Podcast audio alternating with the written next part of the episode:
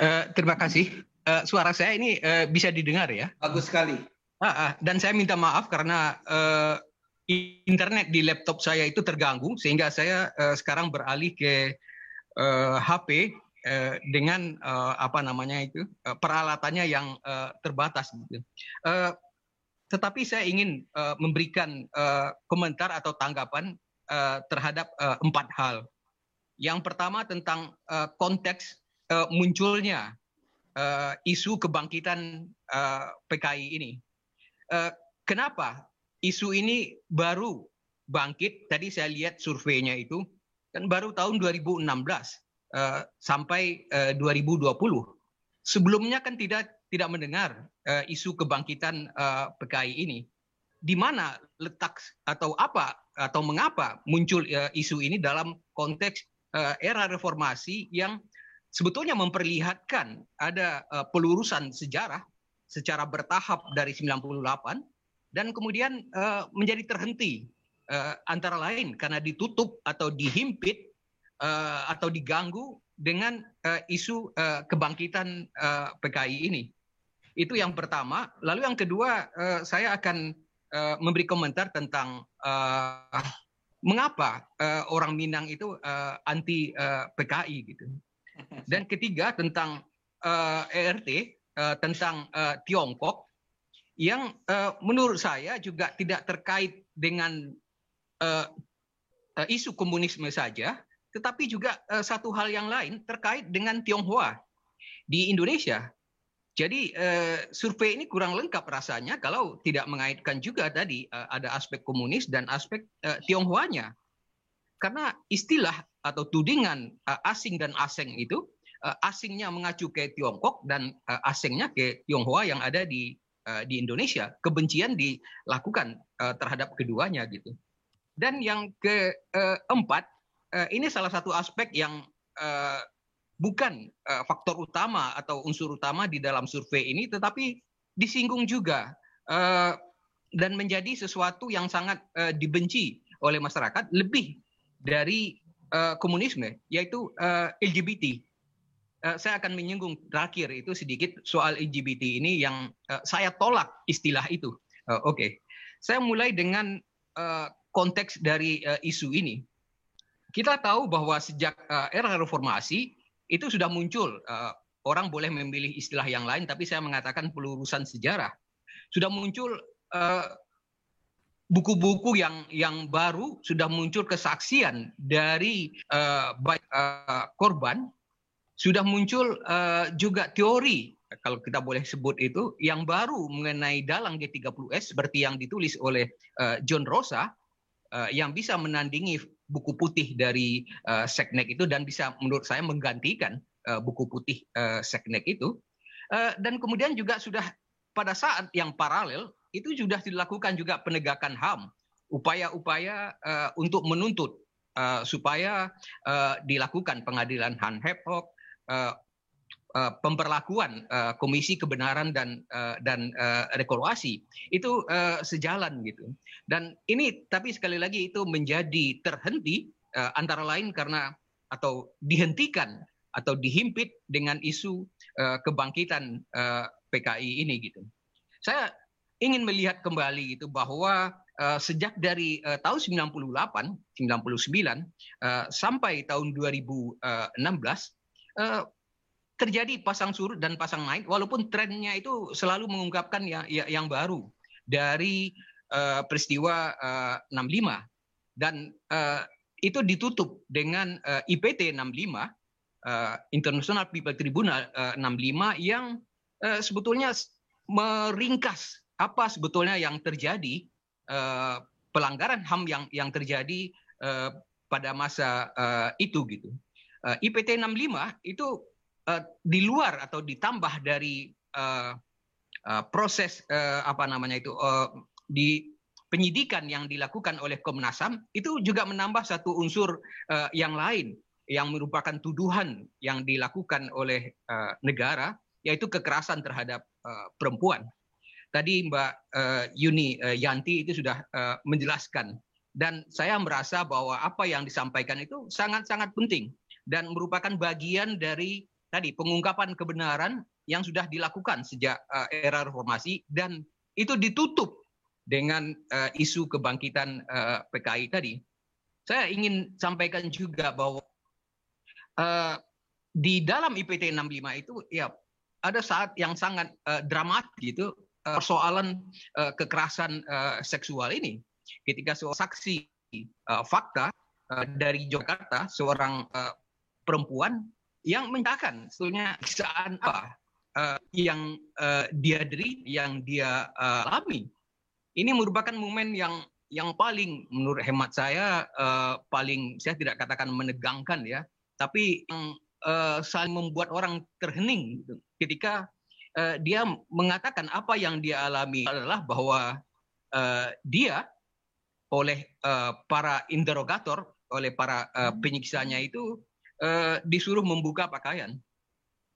Dan kemudian dengan seorang uh, tahanan yang lain, uh, seorang laki-laki, itu dimasukkan ke dalam uh, satu ruangan.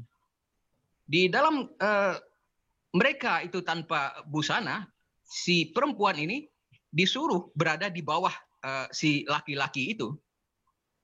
Dan ini ditonton oleh uh, para penyiksa, oleh para interrogator mereka. Dan uh, dia mengatakan bahwa uh, salah seorang dari interrogator atau penyiksa uh, dia itu adalah uh, seorang yang sangat dikenal di Indonesia, uh, seorang yang uh, kemudian itu menjadi guru besar di Universitas Gajah Mada, seorang yang uh, terkenal sebagai ahli sosiologi pedesaan misalnya, dan itu uh, cerita itu sangat uh, sangat mengagetkan gitu. Ini tapi ini puncak ya saya katakan dari berbagai uh, kekerasan yang terjadi yang dialami pada tahun 65 yang uh, disimpulkan oleh uh, IPT 65 itu uh, itu sudah terjadi di di Indonesia dan uh, negara bertanggung jawab tetapi dengan catatan juga bahwa uh, IPT 65 itu adalah uh, sebuah uh, pengadilan yang uh, tidak mengikat uh, secara hukum bagi bagi negara kecuali memberikan uh, efek uh, moral bagi Indonesia maupun bagi dunia uh, internasional. Nah, uh, pengadilan atau IPT 65 ini menurut hemat saya mempunyai dampak yang sangat besar bagi pemerintah Indonesia ketika pemerintah Indonesia untuk pertama kalinya beberapa bulan sesudah itu melakukan uh, simposium uh, di area duta, simposium nasional uh, tentang 65 yang untuk pertama kalinya itu dibiayai oleh pemerintah, dibiayai oleh uh, negara.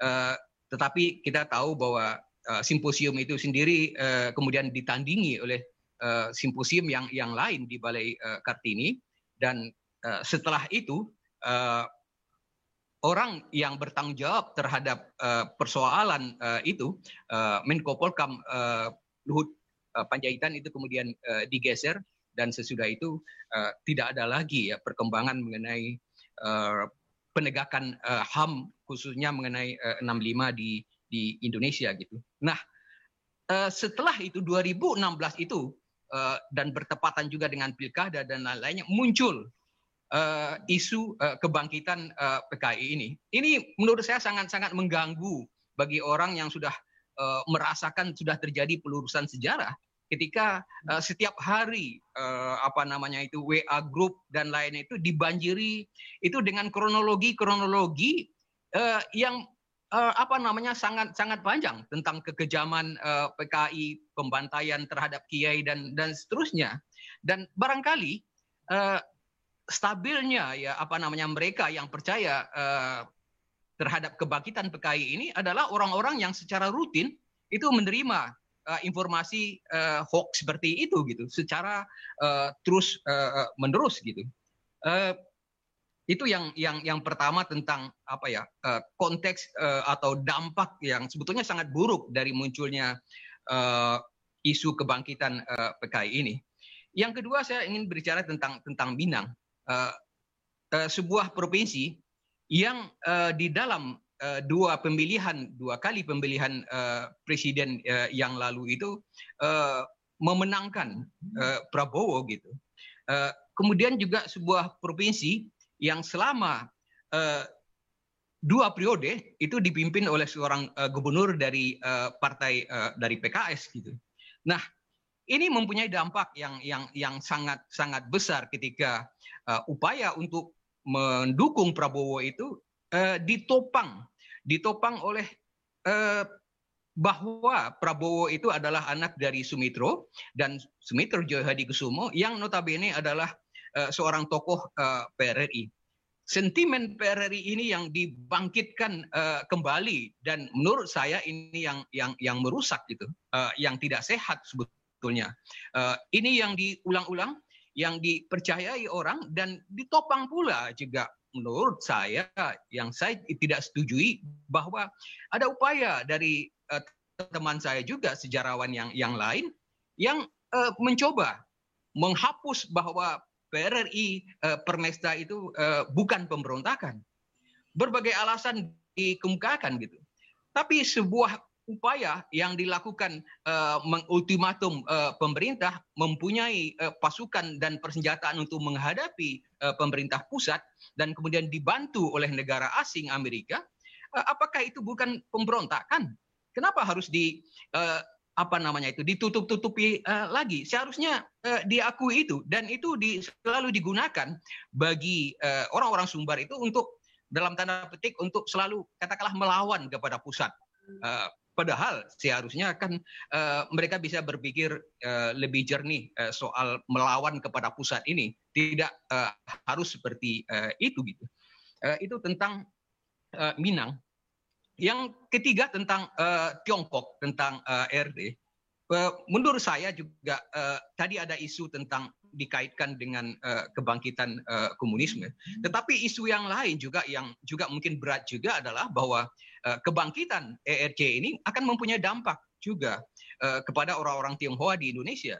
Dikhawatirkan uh, kebangkitan uh, Tiongkok itu akan mengurangi tanda petik nasionalisme orang-orang uh, uh, apa namanya itu Tionghoa di di Indonesia karena mereka uh, kemudian terpesona oleh tanah leluhur dan sebagainya gitu.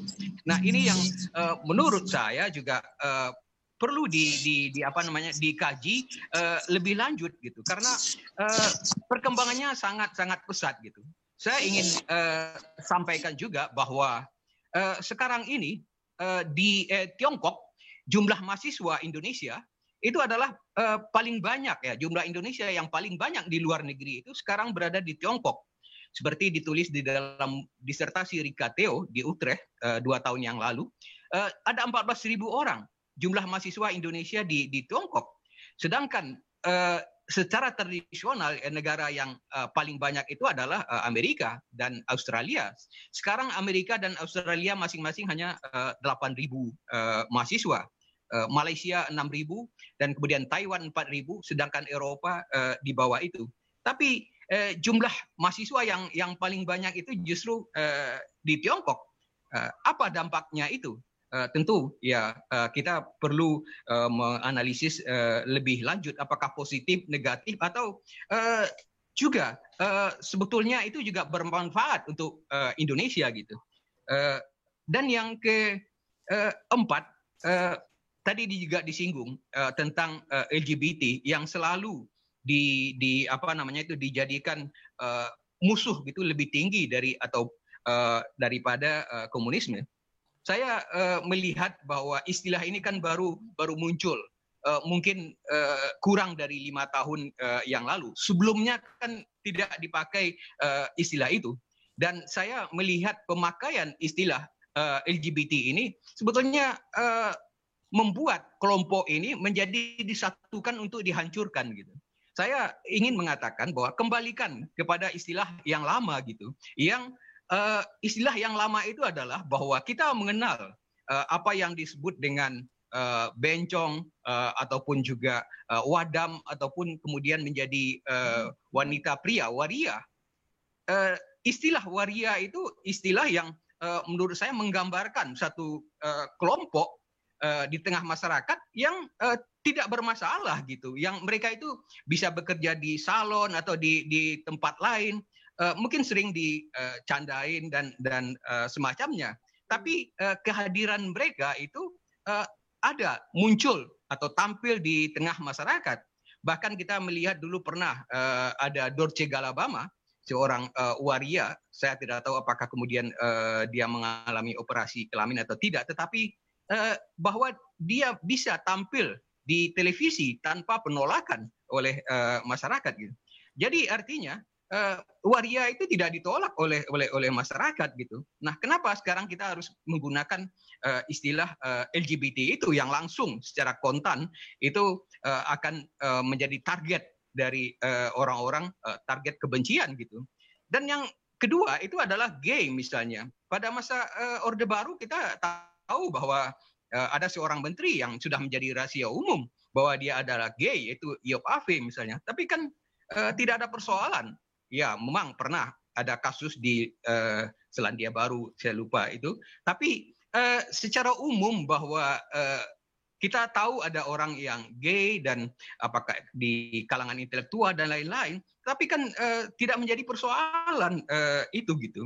Uh, kita tahu demikian juga ada uh, kelompok yang lain yang lebih uh, mungkin uh, lebih tertutup yaitu uh, lesbian dan yang paling tertutup itu yang uh, biseksual gitu. Nah, saya ingin mengatakan kalau uh, kelompok ini dibagi uh, dikategorikan empat itu kan orang juga tidak mempersoalkan misalnya waria gitu. Uh, gay mungkin akan menimbulkan masalah kalau ada terja atau terjadi uh, misalnya uh, ada penangkapan terhadap uh, mereka melakukan satu kegiatan uh, yang sebetulnya juga uh, melanggar gitu, uh, uh, melakukan suatu kegiatan di hotel uh, bersama-sama gitu. Nah, uh, ini yang uh, menurut pandangan saya gitu supaya uh, kita tidak memakai lagi uh, istilah LGBT itu tapi kembali kepada yang yang lama yaitu waria uh, dan gay dan lesbian dan dan seterusnya sehingga uh, tidak lagi uh, menjadi sasaran atau target uh, kebencian itu saya menyadari bahwa memang ini dalam konteks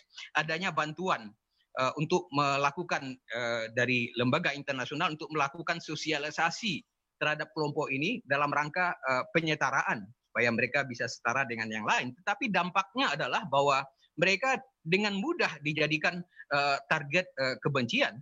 Jadi kembalikan saja kepada masa-masa uh, sebelumnya itu ada waria yang uh, tidak ada persoalan di di di di, di apa di Indonesia uh, ini gitu. Demikian uh, empat hal yang uh, saya sampaikan. Uh, terima kasih. Assalamualaikum warahmatullahi wabarakatuh. Waalaikumsalam warahmatullahi wabarakatuh, Profesor Asfi.